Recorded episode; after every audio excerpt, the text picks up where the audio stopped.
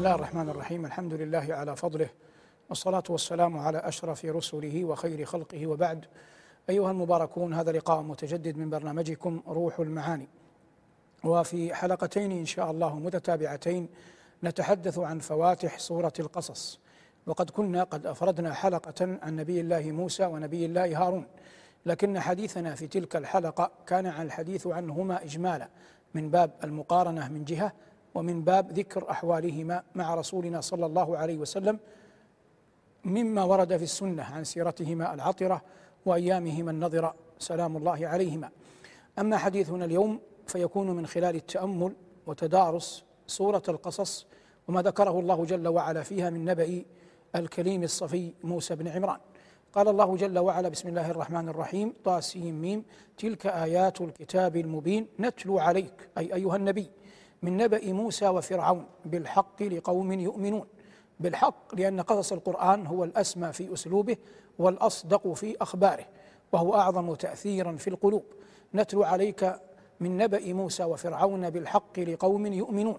فالقرآن قد يتلى على غير أهل الإيمان لكن يبقى حجة عليهم لعدم إيمانهم به وركونهم إلى ما فيه من الهدى. بالحق لقوم يوقنون ثم جاء التفصيل. فذكر التمهيد اولا عن حال فرعون وحال مملكته قبل أن يبعث موسى. إن فرعون علا في الأرض وجعل أهلها شيعا أي طوائف وفرق يستضعف طائفة منهم يذبح أبناءهم ويستحيي نساءهم. يذبح أبناءهم يعني يقتلهم. ويستحيي نساءهم أي يبقيهم أحياء حتى يكونوا للخدمة. إنه كان من المفسدين. فقد كان فرعون طاغية وأي طاغية.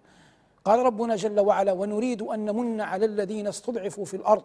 فسنة الله جل وعلا في خلقه أنه يدفع الناس بعضهم ببعض وأن الحال لا تدوم لأحد وأن أي أي ملك سيكون إلى زوال. قال ربنا جل وعلا ونريد أن نمن على الذين استضعفوا في الأرض ونجعلهم أئمة ونجعلهم الوارثين. وارثون لأي شيء؟ يرثون الأرض ويرثون الجنان. فأهل الإيمان يرثون الأرض في الدنيا ويرثون الجنان في الآخرة. قال الله تبارك وتعالى ولقد كتبنا في الزبور من بعد الذكر. الزبور الكتاب الذي أنزل على داود. من بعد الذكر الذكر ليس هنا القرآن.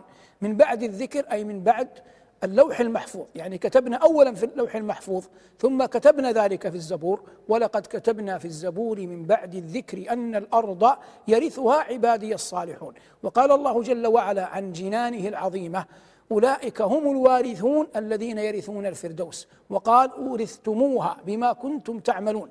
وقد تأكد عقلا ونقلا وشرعا أن أن التوريث أعظم طرائق التمليك.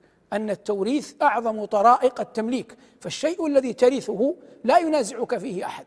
فالشيء الذي تشتريه قد يأتي إنسان ويقول قد خدعت البائع أو لم تعطي البائع حقه كاملا أو أنك قد مالأت البائع أو حصل كذا أو قيل كذا. لكن الشيء الذي يأتيك ورثا فالله جل وعلا أصلا تكفل بتقسيم التركة وحدد لكل أحد نصيبه. فالتوريث أعظم طرائق التمليك. وقد قال القائل فإن الماء ماء أبي وجدي وبئري ذو حفرت وذو طويت. فإن الماء ماء أبي وجدي وبئري ذو حفرت وذو طويت. ويريد أن يتكلم عن أنه شيء توارثوه وهذا أمر اتفقت عليه كلمة العقلاء. قال ربنا ونريد أن نمن على الذين استضعفوا في الأرض ونجعلهم أئمة ونجعلهم الوارثين. ونمكن لهم في الأرض. ونري فرعون وهامان وجنودهما منهم ما كانوا يحذرون. ثم ذكر الله جل وعلا بعد ذلك أخبار نبي الله موسى وأوحينا إلى أم موسى. هل هذا الوحي كان وحي إلهام؟ على هذا جمهور العلماء. والذي يترجح عندي أنه بواسطة ملك ولا يلزم من إتيان الملك إليها أن تكون نبية. وقد قالوا وما كانت نبيا قط أنثى ولا عبدا قبيحا في الفعال وهذا حق. لكن لا يعقل أن تصنع أم موسى ما صنعت بابنها من باب الإلهام وحديث النفس. هذا يصعب أن يقبل. قال الله وأوحينا إلى أم موسى أن أرضعيه. فأرضعته لما ولدته وكانت لما حملت به لم تظهر عليها مخايل الحمل. والرضاعة معروفة وهي حق للابن على أمه لكنه لا يلزم المرأة أن ترضع وليدها. فإن كانت مما جرت العادة أن مثلها من ابناء من أبناء أسر عرفت أنها لا تخدم فلا يلزمها أن ترضع. قال الله جل وعلا وإن تعاسرتم فسترضع له أخرى.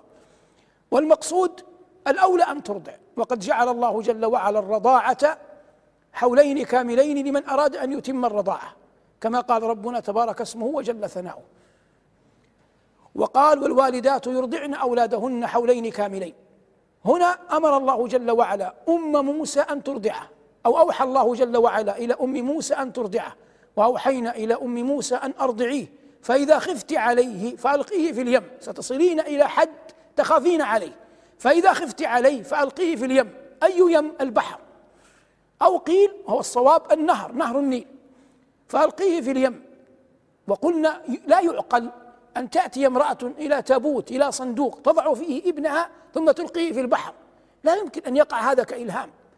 غالب الظن والعلم عند الله أن يكون عن طريق ملك وإن كنت لا أجزم.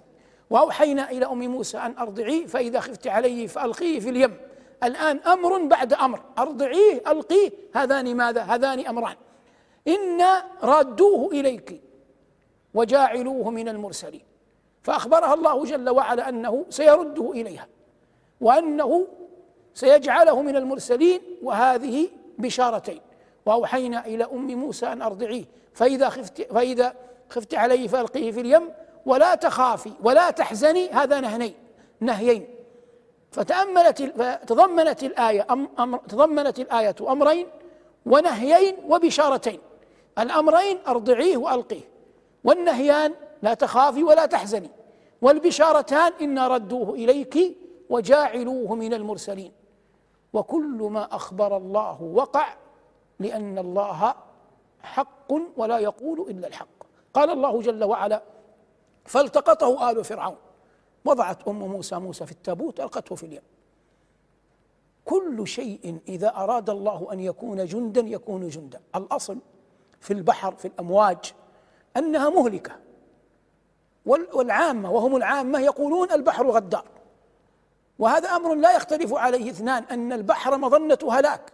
ولهذا قال الله جل وعلا وعليها وعلى الفلك تحملون وقال وإذا مسكم الضر في البحر ضل من تدعون إلا إياه لكنه لما أراد الله نجاة موسى جعل البحر جعل النهر جعل الأمواج جندا من جنده. تكون سببا في نجاة موسى. ليس فقط تحفظ التابوت أن يهلك بل تحمل التابوت بقدر الله إلى أن يكون على مقربة من قصر فرعون حتى يراه من يراه فيحمله فيحمله إلى فرعون. وهذا كله من أقدار الله. ولهذا كل أحد فقير إلى الله والناس في فقرهم إلى الله سواء. كل أحد في فقره إلى الله سواء. فلا ذو السلطان الذي يجلس على كرسي عرشه بأفقر من بأحوج إلى الله ممن هو في عرض البحر لا يملك إلا لوحا. فالذي في عرض البحر قد انكسرت سفينته وغاب عنه أقرانه وخلانه وليس معه إلا لوح قد يجعل الله اللوح سببا في نجاته فيسخر له اللوح. وقد يكون هذا الذي على عرشه على كرسيه في إمرته في ملكه في تجارته في شركته يصيب الحنق بعض حرسه فيقتله. يلقي الله في قلب ذلكم الحارس غلا على ذلكم الرجل فيقتله وهذا يقع وقد وقع. فالأمر كله بيد الله. فجعل الله الأمواج عونا وجندا لموسى. قال ربنا فالتقطه آل فرعون ليكون. اللام هنا لام الصيرورة. اللام هنا لام لام لام الصيرورة. ليكون لهم عدوا وحزنا. إن فرعون وهامان وجنودهما كانوا خاطئين تحتمل أمرين. كانوا خاطئين في التقاط موسى. هذا بالنسبة لهم. وقد يكون خاطئين بمعنى أنهم كانوا كفار. من باب قول الله جل وعلا ناصية كاذبة خاطئة. إنهم كانوا خاطئين. وقالت امرأة فرعون وهي آسيا بنت مزاحم.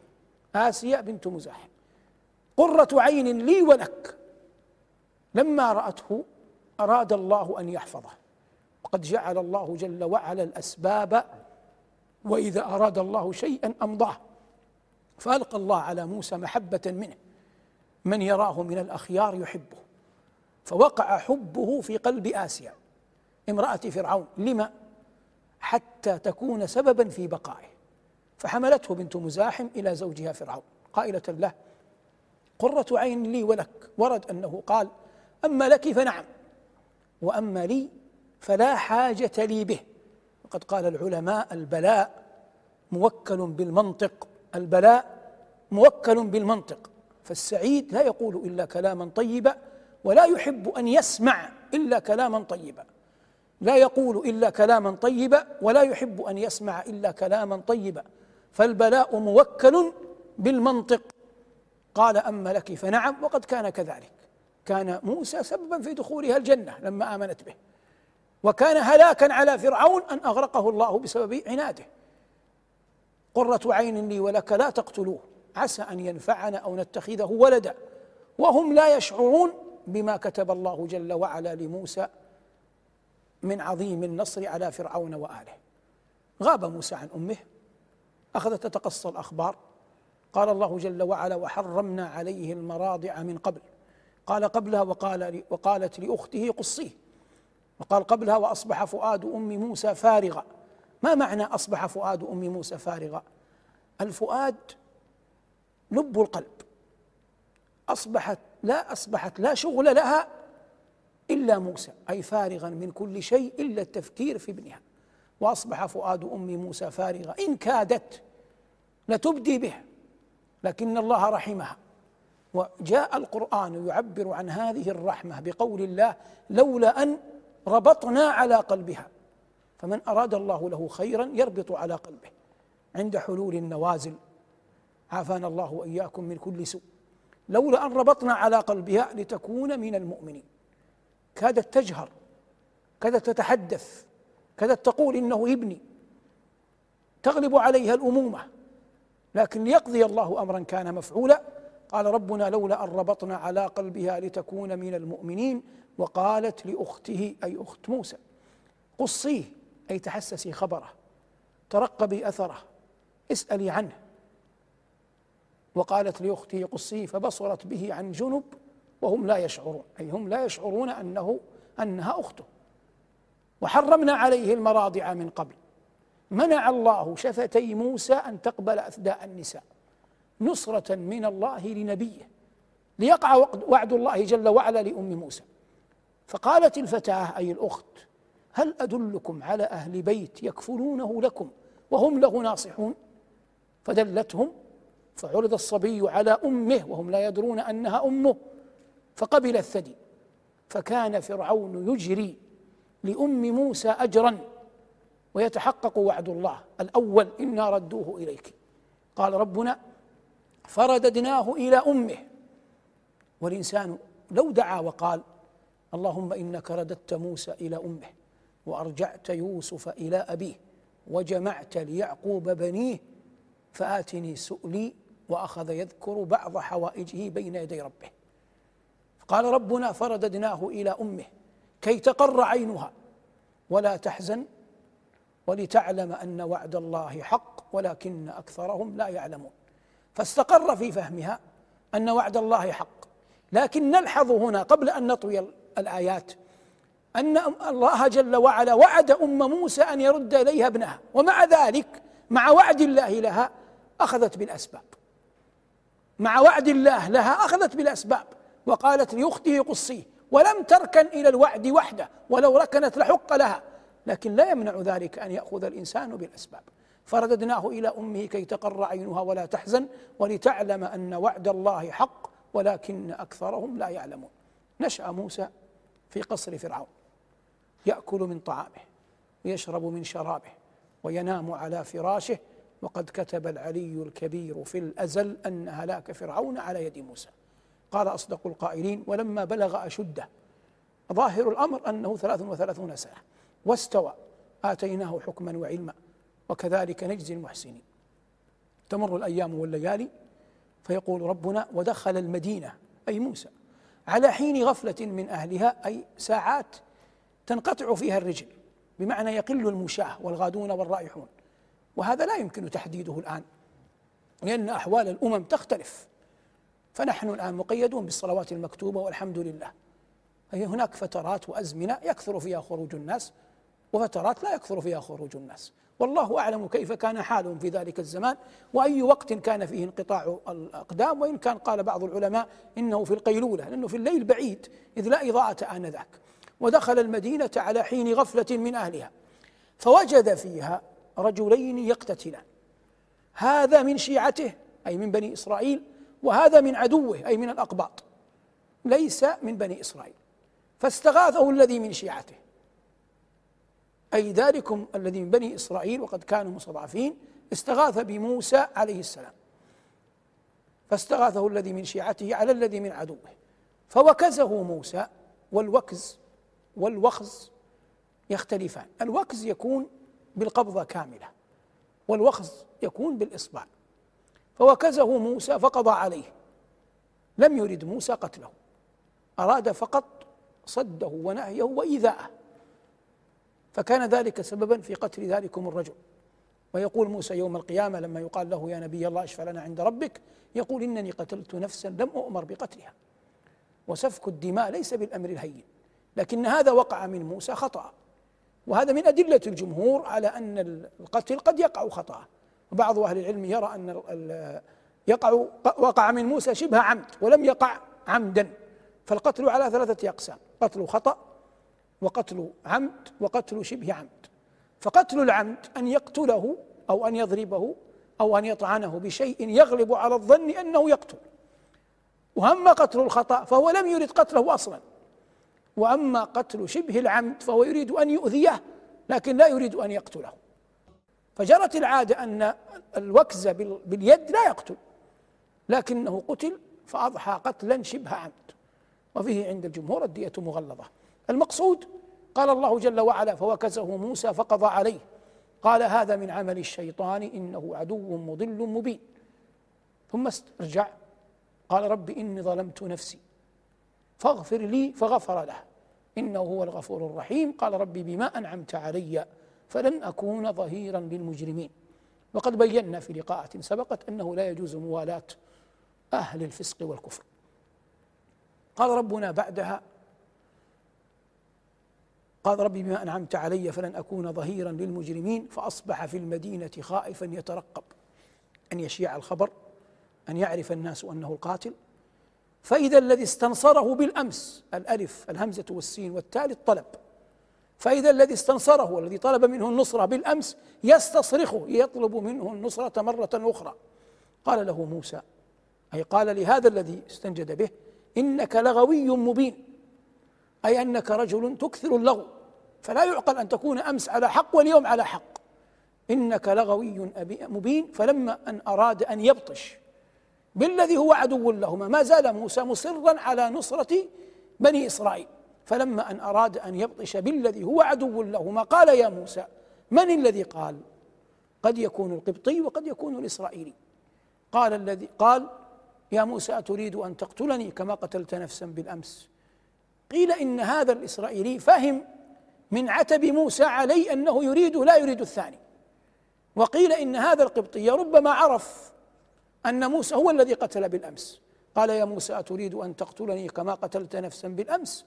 إن تريد إلا أن تكون جبارا في الأرض وما تريد أن تكون من المصلحين. وهذا يدل على أن الخبر شاع. شاع الخبر. وصل إلى قصر فرعون. امتلأ آه، اجتمع أشراف الناس. عمدوا إلى أن يتخذوا قرارا بقتل موسى. علم بهذا من وفقه الله من المؤمنين وقيل إن الذي نقل الخبر إلى موسى مؤمن آل فرعون وجاء رجل من أقصى المدينة يسعى. قال يا موسى إن الملأ يأتمرون بك ليقتلوك. يقال إن أحد الأمراء وأحد الملوك استدعى رجلا وأراد أن يقتله. ففطن أحد الوزراء الذين لهم علاقة بذلكم الشخص المستدعى. فأخذ ورقة بيضاء وكتب عليها إن فقط إن وبعثها مع غلام له للرجل. فالرجل جاءه اولا رسول الملك رسول الأمير. يقول له إن الوالي إن الحاكم يطلبك. فلبس ثيابه يريد أن يخرج. قبل أن يخرج جاءه هذا الغلام الذي بعثه الوزير وأعطاه ورقة بيضاء ليس فيها إلا كلمة إن.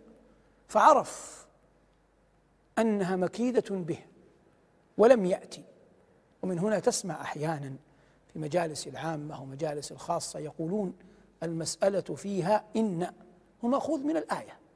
الله جل وعلا قال وجاء رجل من أقصى المدينة يسعى قال يا موسى إن الملأ يأتمرون بك ليقتلوك فاخرج إني لك من الناصحين. لا يعد هذا غيبة ولا يعد هذا من نميمة ولا يعد هذا وشاية. نصرة المظلوم حق. وموسى كان مظلوما عليه السلام. ولهذا قال الله جل وعلا فخرج منها خائفا يترقب. قال ربي نجني من القوم الظالمين. خرج من ماذا؟ خرج من أرض مصر. قال ربنا ولما أي حين توجه تلقاء مدين. كل ما بعد هذه الآية مبني على هذا الدعاء. كل ما بعد هذه الآية مبني على هذا الدعاء. قال ربنا ولما توجه تلقاء مدين قال عسى ربي أن يهديني سواء السبيل.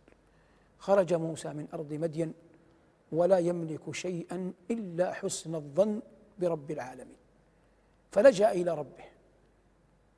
لما لجأ إلى الله هداه أي هداية وكفاه أي كفاية وأعطاه أي عطية. ولما توجه تلقاء مدين قال عسى ربي أن يهديني سواء السبيل. ثم مضى عليه السلام قرابة سبع ليال. يطوي القفار حتى وصل إلى أرض مدين. قال أصدق القائلين ولما ورد ماء مدين ماء مدين بئر يأتي الناس إليها ليستسقوا. ولما ورد ماء مدين وجد عليه أي على البئر أمة من الناس يسقون أمة من الناس يسقون. كلمة أمة في القرآن ثرية. جاءت بمعنى الجماعة من الناس. قال الله جل وعلا ولما ورد ماء مدين وجد عليه أمة من الناس. ويأتي بمعنى المدة من الزمن. وقال الذي نجا منهما وادكر بعد أمة أي بعد مدة. ويأتي بمعنى الرجل الجامع لصفات الخير إن إبراهيم كان أمة. ويأتي بغير ذلك. قال الله جل وعلا هنا ولما ورد ماء مدين وجد عليه أمة من الناس يسقون. ووجد من دونهم امرأتين تذودان. تذود يعني تمنع فهاتان المرأتان تفعلان خلاف ما يفعله الناس. فالرجال يسوقون أغنامهم إلى الماء. وهاتان المرأتان تمنعان غنمهما من الماء. وهذا يثير التساؤل والغرابة. لكن حتى عون الناس يحتاج إلى طرائق يحتاج إلى تمهيد. العاقل لا يضع يده قدمه اليمنى حتى يعلم موطنا لليسرى. قدم إليهما نبي الله وهو يستصحب أنه غريب. قال الله جل وعلا وجد من دونهما امرأتين تذودان. قال ما خطبكما؟ سألهما عن حالهما حتى يعرف بعد ذلك كيف يتعامل معهما. قال ما خطبكما؟ فأخبرته. قالتا أي مجيبتين له. لا نسقي حتى يصدر الرعاء. هؤلاء رجال أشداء لا نستطيع أن نزاحمهم حتى يصدر الرعاء وحتى لا يقع في نفسه الريبة. أكملتا ما لم يسأله عن ما لم يسألهما عنه. وأبونا شيخ كبير. أي لو كان الأمر لنا لما خرجنا في محفل الرجال. لكن كون أبينا شيخ كبير لا يقدر على أن يقوم بهذا الأمر وهذا الأمر لا بد لنا منه خرجنا. وأبونا شيخ كبير. الآن تبين لكليم الله عليه السلام حالهما. واطمأن أن الأمر بعيد جدا عن الريبة وأن عونهما لا يقدح فيه. قال أصدق القائلين فسقى لهما. أكرمهما وهو غريب. والأنبياء والعظماء عموما يبدأون أصلا بالأمر. لا يسألون هذا الأمر ينتزعونه انتزاعا. وقد قال شوقي وعلمنا وقال شوقي رحمه الله ولكن تؤخذ الدنيا غلابا ولكن تؤخذ الدنيا غلابا وما نيل المطالب بالتمني ولكن تؤخذ الدنيا غلابا فبعض الأمور تؤخذ غلابا بالقوة. قال جل وعلا فسقى لهما فلما أحسن إلى الخلق ترقب إحسان الخالق. فسقى لهما ثم تولى إلى الظل أي ظل شجرة. فقال رب إني لما أنزلت إلي من خير فقير. أنا لا أجحد نعمتك نعمتك ولا أنكر فضلك وأعلم إحسانك إلي لكنني ما زلت وسأبقى فقيرا إلى رحمتك غير مستغن عن فضلك مترقب لفرجك فأنا عبدك وابن عبدك وابن أمتك. كل هذا تحتمله الآية. فسقى لهما ثم تولى إلى الظل فقال رب إني لما أنزلت إلي من خير فقير. ما كاد ينزل يديه صلوات الله وسلامه عليه إلا بإحدى الفتاتين قائمة عند رأسه. فجاءته إحداهما تمشي على استحياء قالت وهي أرادت أن تبعث له كلاما حييا حتى لا يظن بها الريبة.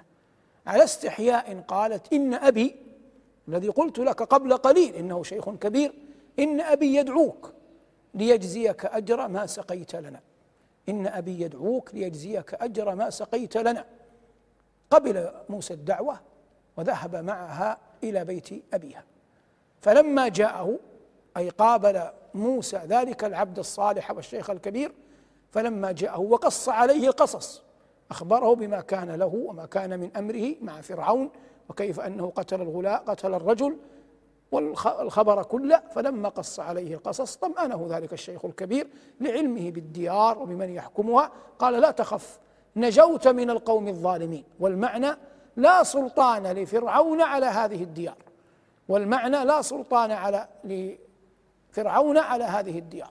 قال نجوت من القوم الظالمين. قالت إحداهما هي الآن البنات وجدوا فرصة مما يدل على حيائهما. لم يكن لم يكونا راضيين أن يذهب مواطن الرجال. فإذا جاء رجل يمكن أن يقوم بهذا العمل ويؤدي هذه المهمة فلا حاجة لنا أن نخالط الرجال. ولهذا قال له يا أبت استأجره إن خير من استأجرت القوي الأمين. والإجارة عقد لازم في الشرع. له له شروط ومواثيق إلا شرطا أحل حلالا أحل حراما أو حرم حلالا. قالت إحداهما يا أبت استأجره إن خير من استأجرت القوي الأمين. وقد قيل أي قال المفسرون إنه إنها علمت قوته إنه علمت قوته من حمله لغطاء البئر وأمانته من مشيه معها. فعرض ذلكم العبد الصالح على موسى أن يزوجه. قال إني أريد أن أنكحك. أي أزوجك. إحدى ابنتي هاتين على أن تأجرني ثماني حجج. حجج بمعنى سنين قال لبيد في معلقته وجل السيول عن الطلول كأنها زبر تجد متونها أقلامها إلى أن قال حجج خلون حلالها وحرامها. دمن تصرم بعد عهد أنيسها حجج خلون حلالها وحرامها. أي سنين مضت. حلالها وحرامها يعني أشهر أشهر حرم وأشهر غير حرم. فقال هنا على أن تأجرني ثمانية حجج أي ثماني سنين. فإن أتممت عشرا فمن عندك.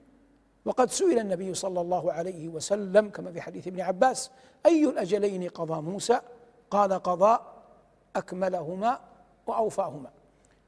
على أن تأجرني ثمانية حجج فإن أتممت عشرا فمن عندك وما أريد أن أشق عليك. هذا قول العبد الصالح لموسى. ستجدني إن شاء الله من الصالحين. فقبل موسى الشرط فعمل عشر سنين على عفة فرجه وإشباع بطنه. على عفة فرجه وإشباع بطنه. قال الله جل وعلا قال هذا قال ربنا جل وعلا بعد ذلك لا أن تأجرني ثمانية حجج فإن أتممت عشرا فمن عندك وما أريد أن أشق عليك ستجدني إن شاء الله من الصالحين. قال ذلك بيني وبينك أي قبلت العهد أيما الأجلين قضيت لم يقل موسى سأوفي العشر حتى يجعل لنفسه خطا طريقا يؤوب فيه حتى يصبح الزيادة لها معنى. لا يصبح أن يلزم نفسه بها في الأول. قال ذلك بيني وبينك أيما الأجلين قضيت فلا عدوان علي. إن اخترت الثمان أو اخترت العشر فأنا في حل. قال أيما الأجلين قضيت فلا عدوان علي والله على ما نقول وكيل. جعل رب العزة والجلال وكيلا شاهدا على ذلكم العقد المبارك. هذا ما كان من أمر موسى عليه الصلاة والسلام قبل أن يرتحل من أرض مدين ويعود إلى أرض مصر.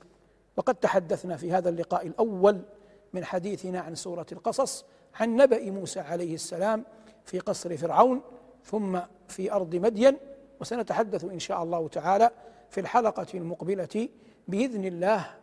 عن الآيات التي تليها فلما قضى موسى الأجل إلى أن أهلك الله جل وعلا فرعون وفرعون وآله جاعلين نصب أعيننا الاستبصار والأخذ من هذه الآيات المباركات. تبقى مسألة قالها بعض العلماء قالوا إن امرأة فرعون لما كانت تثني على موسى خاف موسى فرعون منه. فعمد إلى جمر وتمر وهذا حررناه في نبأ موسى وهارون فقدم فقدما إلى موسى. فاختار موسى التمر فعمد جبرائيل إلى يد موسى ووضعها على الجمر. فكأن يد موسى تغيرت يعني أصبح فيها شيء يعيبها. فأنف فرعون بعدها أن يأكل مع موسى لما كبر. يعني كان قبل وهو صبي لا يأكل معه لكن لما كبر موسى أصبح فرعون لا يقبل أن يأكل مع موسى. لا يعجبه هذا أن يراه وهذا لحكمة لأن الأكل حرمة. أي أحد تأكل تطعم معه يصبح بينكم حرمة وشائج. المتنبي يقول وبيننا لو رأيتم ذاك معرفة إن المعارف في أهل النهى ذمم. فالإنسان يستحي أن يجلس مع إنسان ويأكل ويطعم معه ثم بعد ذلك يعاديه. فهو هنا منع الله جل وعلا موسى أن يأكل مع فرعون. حتى لا يكون فرعون حجة على موسى أن يقول غلبني ذهب ملكي سلب امرتي من كان يأكل معي. لا يبقى لفرعون حجة على موسى. إن كان هذا حقا أي هذه الرواية في أن فرعون كان يجتنب هذا فهذا والله من بديع العلم وجميل الفوائد والعلم عند الله. في اللقاء القادم أيها المباركون سنتحدث إن شاء الله بدءا من قول الله تعالى فلما قضى موسى الأجل وسار بأهله آنس من جانب الطور نارا. أي من المرحلة الزمنية في حياة نبي الله وكليمه وصفيه موسى بن عمران التي أعقبت خروجه من أرض مدين. وهي حافلة بكثير من المعاني زاخرة بكثير من العظات لمن وفقه الله كيف يتأمل ويتدبر كتاب رب البريات جل جلاله. وقد جاء في القرآن كثيرا نبأ موسى عليه الصلاة والسلام لأن أمته قريبة الشبه من أمة محمد صلى الله عليه وسلم رغم أنه ليس في القرآن سورة تسمى سورة موسى وفي القرآن سور أخر سميت بأسماء الأنبياء كهود ويوسف وإبراهيم ويونس ونوح عليهم الصلاة والسلام جميعا. هذا ما تحرر إيراده وتهيأ إعداده وعان الله على قوله وصلى الله على محمد وآله والحمد لله رب العالمين. والسلام عليكم ورحمة الله وبركاته. بسم الله الرحمن الرحيم. إن الحمد لله نحمده ونستعينه ونستغفره ونعوذ بالله من شرور أنفسنا وسيئات أعمالنا من يهده الله فلا مضل له ومن يضلل فلن تجد له وليا مرشدا. وأشهد أن لا إله إلا الله وحده لا شريك له اعترافا بفضله واذعانا لأمره.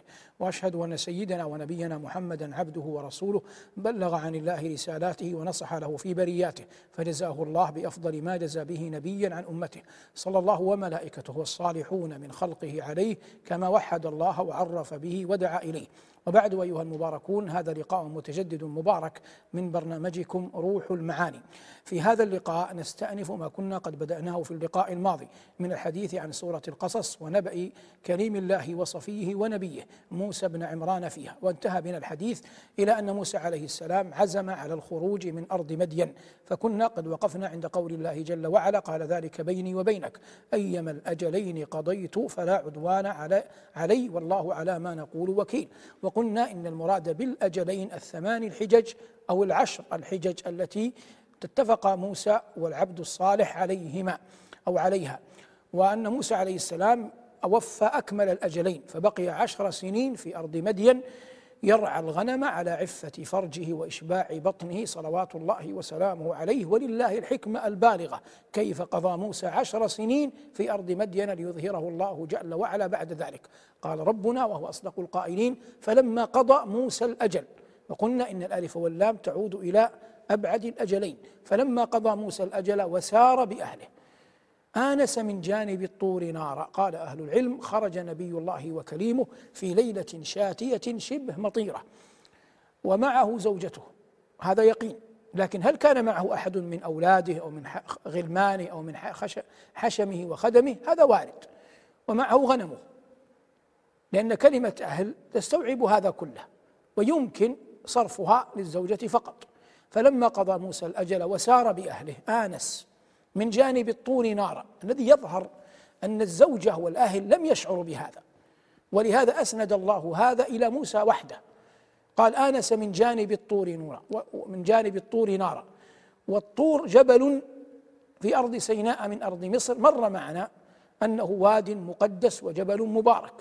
آنس من جانب الطور نارا قال لأهلهم كثوا وهو لا يريد أن يجازف بأهله. ويذهب هو وأهله فقد يكون قد ذهب إلى مظنة هلاك. فالعاقل يعلم أن الله جل وعلا استرعاه على أهله فلا يلقي بهم في المزالق المهلكة.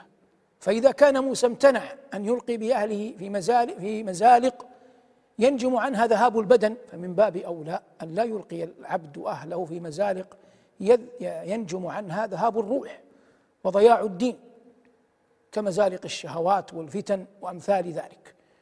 فقال الله جل وعلا هنا أنه قال لأهلهم كثوا إني آنست نارا لعلي وهو يريد أن يبين أنه لا يلزم بشيء وحتى لا يجعل آمال أهله تتعلق كثيرا ثم يحبطون.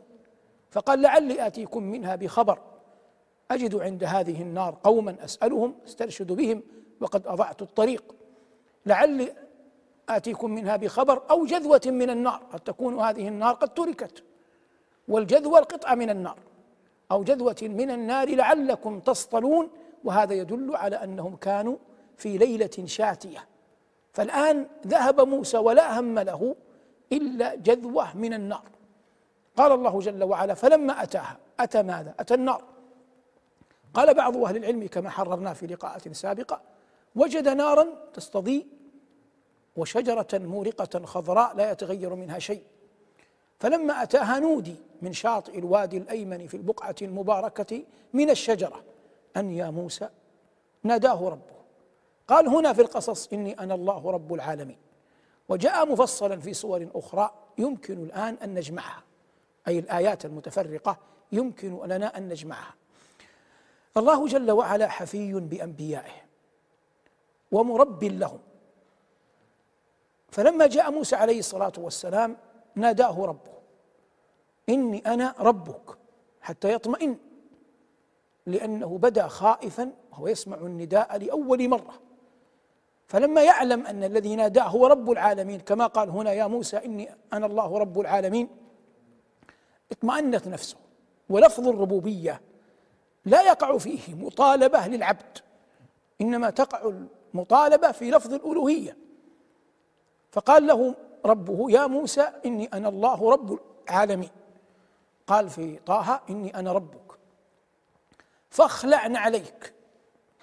فخلع موسى عليه. قال بعض للعلم في بيان الحكمة من هذا أن تمس موسى بركة الوادي. فلا يحجب عن الوادي بنعليه وقيل غير ذلك وهذا عندي أرجح. اخلعن عليك إنك بالوادي المقدس طوى وأنا اخترتك. فاستمع لما يوحى. قال هنا إني أنا الله رب العالمين. بين له جل وعلا أن الله تبارك وتعالى اختاره واصطفاه واجتباه حتى يعلم بثقل المسؤولية التي ستناط به. إني أنا الله رب العالمين. قال له كما في طه وما تلك بيمينك يا موسى؟ كان موسى قد اتخذ عصا يتكئ عليها يتوكأ عليها ويرعى بها الغنم. هذه العصا موسى يعرفها حق المعرفة. هي من قديم الدهر معه. اختارها على عينيه. واتكى وتوكى عليها في غدوه ورواحه. فليست جسما غريبا عنه. ولهذا معنى. سأله ربه وما تلك بيمينك يا موسى؟ هذا كله عند جبل الطور. قال هي عصاي. هذا جواب يكفي. لكن لا توجد لذة كملذة كلذة مناجاة وكالكلام مع رب العالمين جل جلاله. وما كان موسى يريد أن يفرط في هذا. قال هي عصاي أتوكأ عليها وأهش بها على غنمي. ثم تذكر الأدب مع الله لا يطيع. فقال ولي فيها مآرب أخرى. قال له ربه ألقها يا موسى. ألقها بعد أن قال موسى واعترف أنها عصاته التي يعرفها. قال هي عصاي. فإذا هي حية تسعى. هذا أين؟ في سورة طه. هنا في سورة القصص قال وأن ألق عصاك. فلما رآها تهتز كأنها جان. الجان نوع من الحيات خفيف. والمقصود في المعنى أنها حية في ضخامتها. ثعبان في تلونها. خفيفة كالجان في حركتها. فألقاها. فلما رآها على هذه الصورة ولى مدبرا ولم يعقب فناداه ربه يا موسى أقبل ولا تخف إنك من الآمنين. قال في طه فإذا هي حية تسعى. قال خذها ولا تخف. عندما أخذها موسى والتقطها ماذا كانت؟ كانت حية. فأخذها موسى على أنها حية ثم أصبحت عصا وعادت عصا بعد أن قبض عليها. سنعيدها سيرتها الأولى. أي سنعيدها عصا كما كانت. لما وقع هذا؟ موسى بعد ذلك سيكلف بالوقوف بين يدي فرعون. ومن استطاع أن يؤدبه الله ويحسن الوقوف بين يدي الله لن يعجز أن يقف أمام فرعون. من أكرمه الله بأن وقف بأدب بين يدي الخالق لن يرى المخلوق شيئا. وهذا من تعليم الله وتأديب الله واصطناع الله لأوليائه كما قال جل وعلا عن موسى نفسه واصطنعتك لنفسي. قال ربنا تبارك وتعالى هنا أسلك يدك في جيبك تخرج بيضاء من غير سوء. وكان موسى يميل لونه إلى السمرة فأدخل يده من هذا الجيب هذه الفتحة تسمى جيب. فأدخل يده سلام صلوات الله وسلامه عليه. قال له ربه واضمم إليك جناحك من الرهب. أي الصقها بجسدك. تخرج بيضاء من غير سوء. فليس بياضها لعاهه أتتك. وإنما آية لك ستذهب بها إلى فرعون وملئه. ستذهب بها إلى فرعون وملئه. قال في طه لنريك من آياتنا الكبرى. هذا الأمر الذي وقع من موسى عليه السلام. آتاه الله جل وعلا هنا آيتين. وأصل ما بعث الله جل وعلا به موسى تسع آيات. جاءت مذكورة في القرآن منصوصا عليها. قال ربنا ولقد أخذنا آل فرعون بالسنين. هذه واحدة. ونقص من الثمرات. هذه الثانية. وقال ربنا فأرسلنا عليهم الطوفان. هذه الثالثة. والجراد. هذه الرابعة. والقمل هذه الخامسة والضفادع هذه السادسة والدم آيات مفصلات هذه السابعة والاثنتان الباقيتان هي العصا وإدخال يده في جيبه تخرج بيضاء من غير سوء فتمت التسع آيات التي أتاها الله جل وعلا لنبيه موسى حجة على فرعون وقومه. لما كان هذا من الله تبارك وتعالى تأديبا وتعليما للكليم موسى أصاب موسى الخوف. وعلم بثقل الرسالة. قال ربي إني قتلت منهم نفسا أي ذلكم الغلام الرجل القبطي فأخاف أن يقتلون. فالخوف هنا خوف طبيعي لا يلام المرء عليه.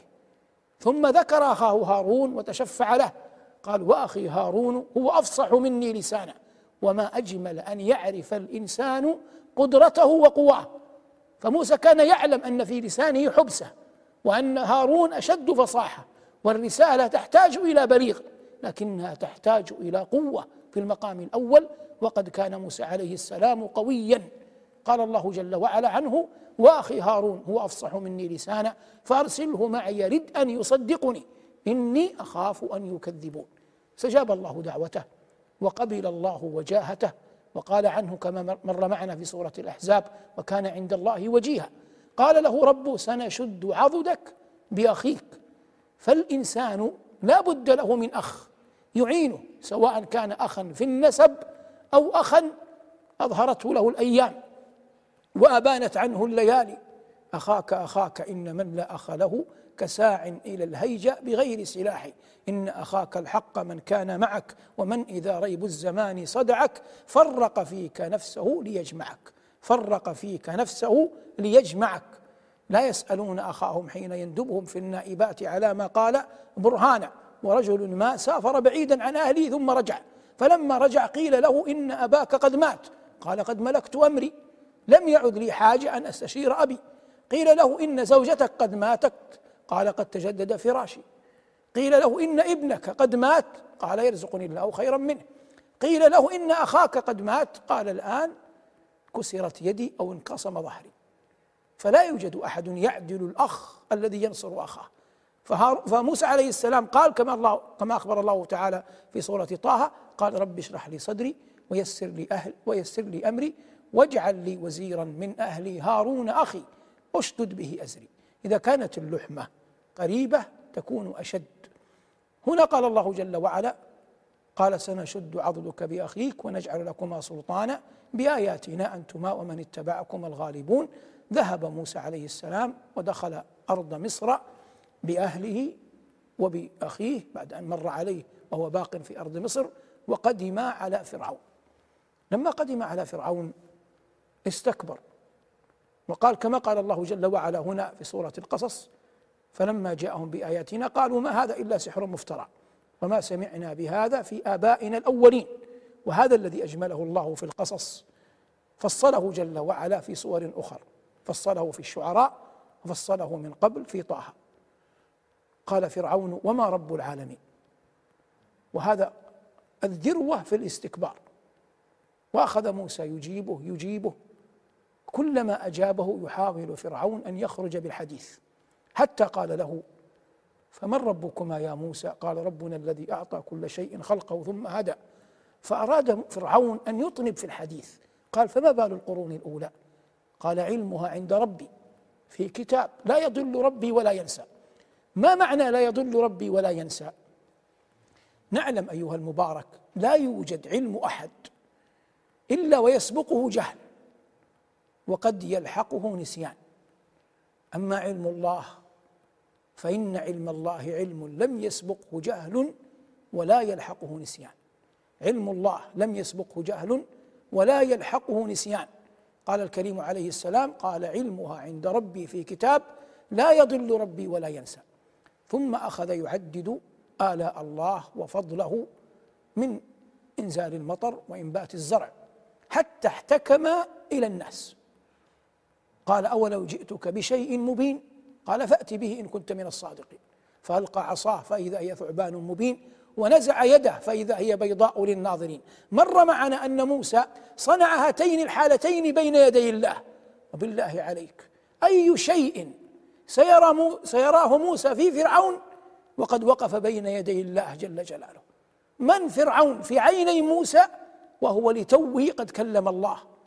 من فرعون وجنده؟ في عيني موسى وهو لتوه ألقى العصا بين يدي الله وأدخل يده في جيبه بين يدي الله. هذا من تربية الله جل وعلا لأنبيائه. والله إذا أراد شيئا شيئا أمضاه. وقال لموسى واصطنعتك لنفسي. وهذا قمة الاجتباء الذي لم ينله إلا أولو العزم من الرسل. نعود فنقول بعد هذا كله قال موسى موعدكم يوم الزينة وأن يحشر الناس ضحى. جاء السحرة بعد أن جمعهم فرعون. كفرة فجرة سحرة في آن واحد. لكن إذا أراد الله بعبد خيرا أعانه هيأ له كيف يطلب الخير. فرعون وجنده ينظرون والناس مجتمعون لا هم لهم إلا نصرة السحرة والسحرة قادمون قالوا يا موسى إما أن تلقي وإما أن نكون أول من ألقى. هذا شيء من الأدب شيء من اللطف. قدماه بين يدي كليم الله. حفظ رب العزة لهما هذا الصنيع.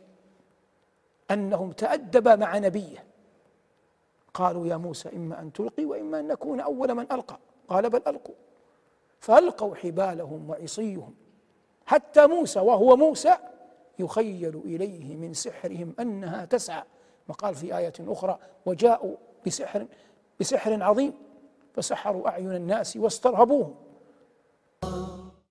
ألقى موسى عصاه. فإذا هي تلقف ما يأفكون. السحرة أرباب صنعة ويعرفون المسألة من أولها وآخرها ويعرفون إلى أي حد يقف الساحر. ومن أي حد تبدأ معجزات الأنبياء والأمور الإلهية المحضة التي لا قدرة لهم بها. فلما رأوا العصا تلقف ما يأفكون قال ربنا فألقي السحرة ساجدين قالوا آمنا برب العالمين رب موسى وهارون. هذا جعل فرعون يغتاظ عليهم ويقبل عليهم مهددا وموعدا ومع ذلك ثبت الله جل وعلا السحرة. بقي الصراع بين موسى وفرعون. اتخذ موسى لقومه ديارا. قال له ربه واجعلوا بيوتكم قبلة. استكبر فرعون حتى قال كما قال الله جل وعلا يا أيها الملأ ما علمت لكم من إله غيري. قال بعدها بأربعين سنة أنا ربكم الأعلى. قال ما علمت لكم من إله غيري. وقال بعدها بأربعين سنة أنا ربكم الأعلى. الله جل وعلا أكرمه وأمهله بعد أن قال الأولى. لما قال الثانية قال ربنا فأخذه الله. نكال الآخرة والأولى. ما معنى نكال الآخرة والأولى؟ نكال الكلمة الأولى ونكال الكلمة الآخرة يوم أن قال أنا ربكم الأعلى. وأمهله بينهما قرابة أربعين سنة والعلم عند الله. قال ما علمت لكم من إله غيري. ثم أراد أن يقنع الناس أنه يبحث عن الحق. فأوقد لي يا هامان هذا وزيره على الطين فاجعل لي صرحا أي بناء مرتفعا. لعلي أطلع إلى إله موسى. هو يريد أن يقول للناس أنا رجل متجرد للحق أبحث عن الحقيقة. ولذلك أمرت هامان أن يصنع لي صرحا ويرفعه وأطلع إلى إله موسى. وفيه معنى خفي قلما يستنبط له أحد. هذا من الدلائل على أن الله جل وعلا في السماء. لأن فرعون لا يمكن أن يقول اجعل لي صرحا لعلي اطلع إلى اله موسى الا وقد علم من موسى نفسه ان الله جل وعلا مستو على عرشه في السماء فوق السماوات. في هنا لا تعني الظرفية قطعا كما قال الله آمنتم من في السماء. فهذا يدل على أن فرعون لديه خبر من موسى على أن الله جل وعلا مستو على عرشه فوق السماوات السبع. لعلي أطلع إلى إله موسى ثم قال ساخرا وإني لأظنه من الكاذبين. قال الله واستكبر هو وجنوده في الأرض بغير الحق. وظنوا أنهم إلينا لا يرجعون فأخذناه وجنوده فنبذناهم في اليم. كيف نبذهم الله جل وعلا في اليم؟ أمر الله جل, جل وعلا موسى أن يسري بعباده ليلا فخرجوا. فعلم بهم فرعون فاتبعهم. فلما اتبعهم فرعون ووصل قوم موسى إلى شاطئ البحر. قالوا كان الأمر كما قال الله قال أصحابه إنا لمدركون. قال كلا إن معي ربي سيهدي. أخذ عصاه ضرب بها البحر. قال اللهم لك الحمد وأنت المستعان وعليك البلاغ. انفلق أبا خالد بأمر الله. وأبو خالد كنية البحر. فاصبح البحر يبسا اثني عشر طريقا فعبر موسى. لا يعقل يا أخي أن يكون فرعون ملكا فيه كثير من الغفلة وقد حكم الناس هذا الحكم. فقد كان ملكا دنيويا وأي ملك وأي ملك. امتنع فرعون أن يعبر خلف موسى. كان من الدهاء بمكان فعبر موسى على الطريق اليبس حتى وصل إلى الشاطئ الآخر من البحر. بمعنى واضح نجا موسى. ونجا بنو إسرائيل كلهم. كل هذا وفرعون باق في الشق لم يعبر. لما عبر موسى واطمأن أراد موسى أن يضرب البحر كرة أخرى حتى يعود البحر بحرا فلا يعبر فرعون. فيصبح موسى في مأمن وفرعون يعود خائبا إلى دياره. هذا الذي أراده من؟ أراده موسى. لكن إرادة الله كانت أعظم من ذلك. قال أصدق القائلين لعبده وكريمه موسى واترك البحر رهوة رهوة يعني ساكنة. يعني أنت الآن كن في مأمنك واترك لنا كيف نهلكه. فترك موسى البحر رهوة ساكنة كما أمره ربه. لما بقي البحر ساكنا يبسا كما هو. وموسى قد نجا ظن فرعون أن البحر لو انفلق من أجل موسى لعاد بحرا لأن موسى نجا. لكن بقاء البحر بحرا يبسا. بعد أن نجا موسى فقه منه فرعون أن هذا ليس لموسى وأن هذا وافق حالة طبيعية في البحر وافقت خروج موسى من أرض مصر. فاطمأن أن البحر سيبقى لأن موسى نجا. فأمر جنوده أن يعبروا البحر. فلما اكتمل هو وجنوده في البحر أمر العلي الكبير البحر أن يعود بحرا. فأغرق فرعون واهله قال الله جل وعلا واستكبر هو وجنوده في الأرض بغير الحق وظنوا أنهم إلينا لا يرجع لا يرجعون فلا يرجعون فأخذناه وجنوده فنبذناهم في اليم.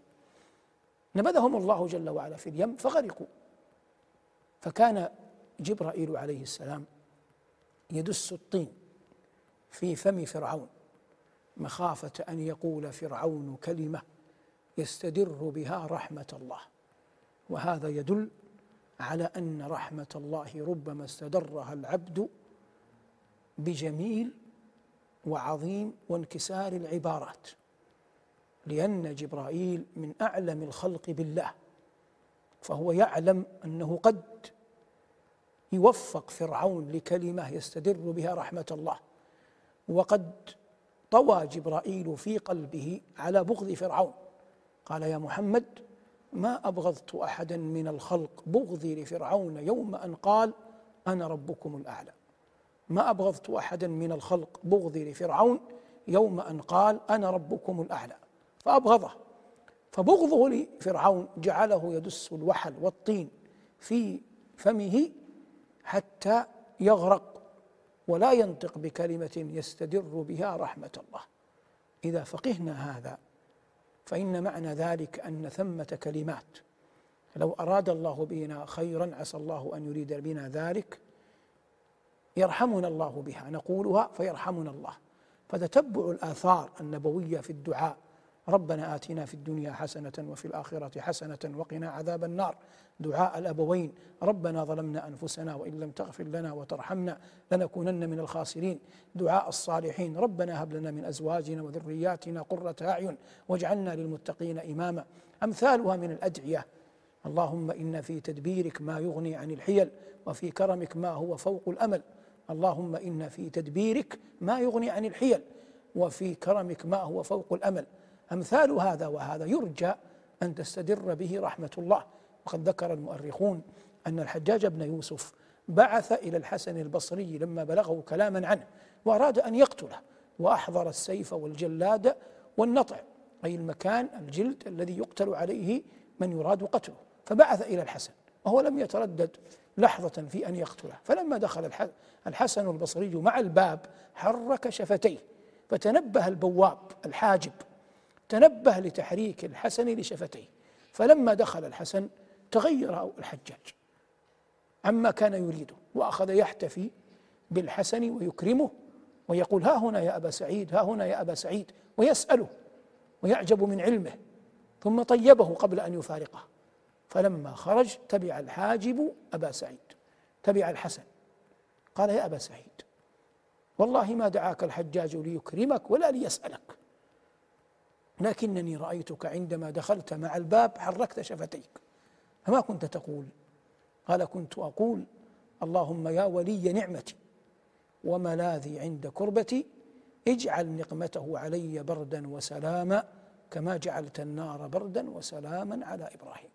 اللهم يا ولي نعمتي وملاذي عند كربتي اجعل نقمته بردا وسلاما علي كما جعلت النار بردا وسلاما على إبراهيم. فهذا أي الحسن استدر رحمة الله ونصره بهذه الكلمات التي وفقه الله جل وعلا إليها. استدر رحمة الله ونصره بهذه الكلمات التي وفقه الله جل وعلا إليها. فكان جبريل يصنع ذلك الصنيع بفرعون حتى لا يرزق فرعون رحمة من الله. وقد أخبر الله جل وعلا أن فرعون لما أدركه الغرق قال آمنت أنه لا إله إلا الذي آمنت به بنو إسرائيل وأنا من المسلمين. وهذا وقت نزع الروح ووقت بلوغ الروح الحلقوم وهو وقت تنقطع فيه التوبة. قال ربنا أالآن وقد عصيت قبل وكنت من المفسدين فاليوم ننجيك ببدنك لتكون لمن خلفك آية. وقد كان آية بلا شك.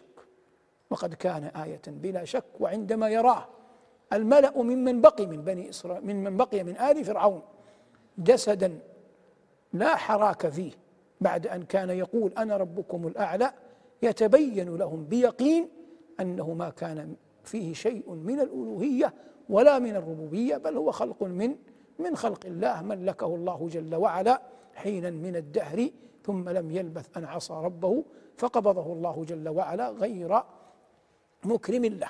الآن وقد عصيت قبل وكنت من المفسدين فاليوم ننجيك ببدنك لتكون لمن خلفك آية.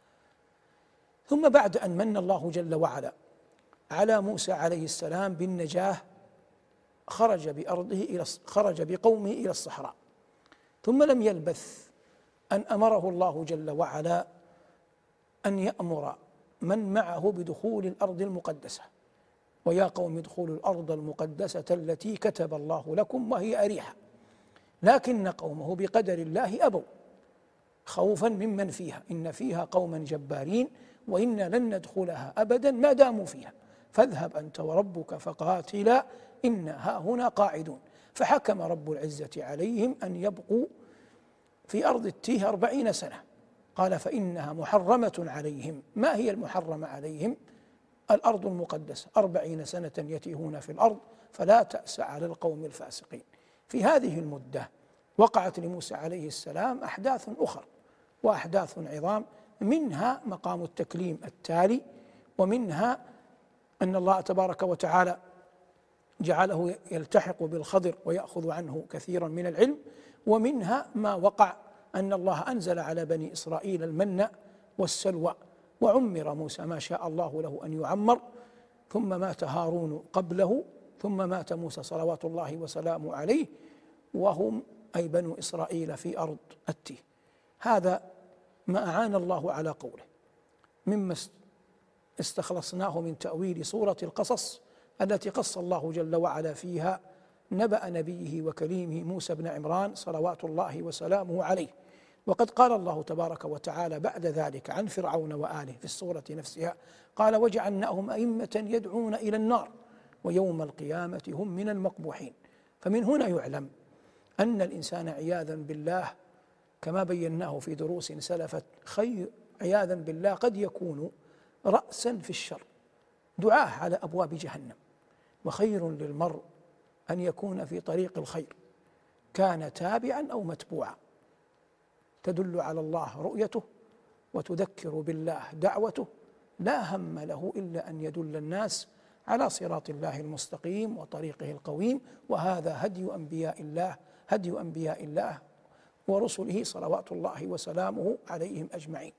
وقطعا لو لم تكن في قصة موسى من عظيم الآيات وجليل العظات وزاخر المعاني لما جاء في القرآن تفردها عن غيرها من القصص بأنها تثنى كثيرا وتذكر في أكثر الصور حتى يعلم العباد لطف الله جل وعلا بأوليائه ونقمة الله جل وعلا على أعدائه. وأن الله تبارك وتعالى غالب على أمره ولكن أكثر الناس لا يعلمون. اللهم يا من رددت موسى إلى أمه وأرجعت يوسف إلى أبيه وجمعت ليعقوب بنيه. اجعل لنا من كل هم فرجا ومن كل ضيق مخرجا واجعلنا من أوليائك المتقين وعبادك الصالحين ومتعنا بما متعت به عبادك وأولياءك المقربين. هذا ما تيسر إراده وتهيأ إعداده وأعان الله على قوله. في حلقتين متتابعتين عن الكريم موسى وما وقع له مع فرعون وآله. تحدثنا عنهما مستنيرين بسورة القصص التي أفرد الله جل وعلا فيها كثيرا من نبأ هذا الكريم المبجل والصفي المكرم صلوات الله وسلامه عليه. ولقد آتينا موسى الكتاب من بعد ما أهلكنا القرون الأولى بصائر للناس. هكذا قال ربنا وفقنا الله وإياكم لما يحب ويرضى. وألبسنا الله وإياكم لباسي العافية والتقوى. صلى الله على محمد وآله والحمد لله رب العالمين. والسلام عليكم ورحمة الله وبركاته.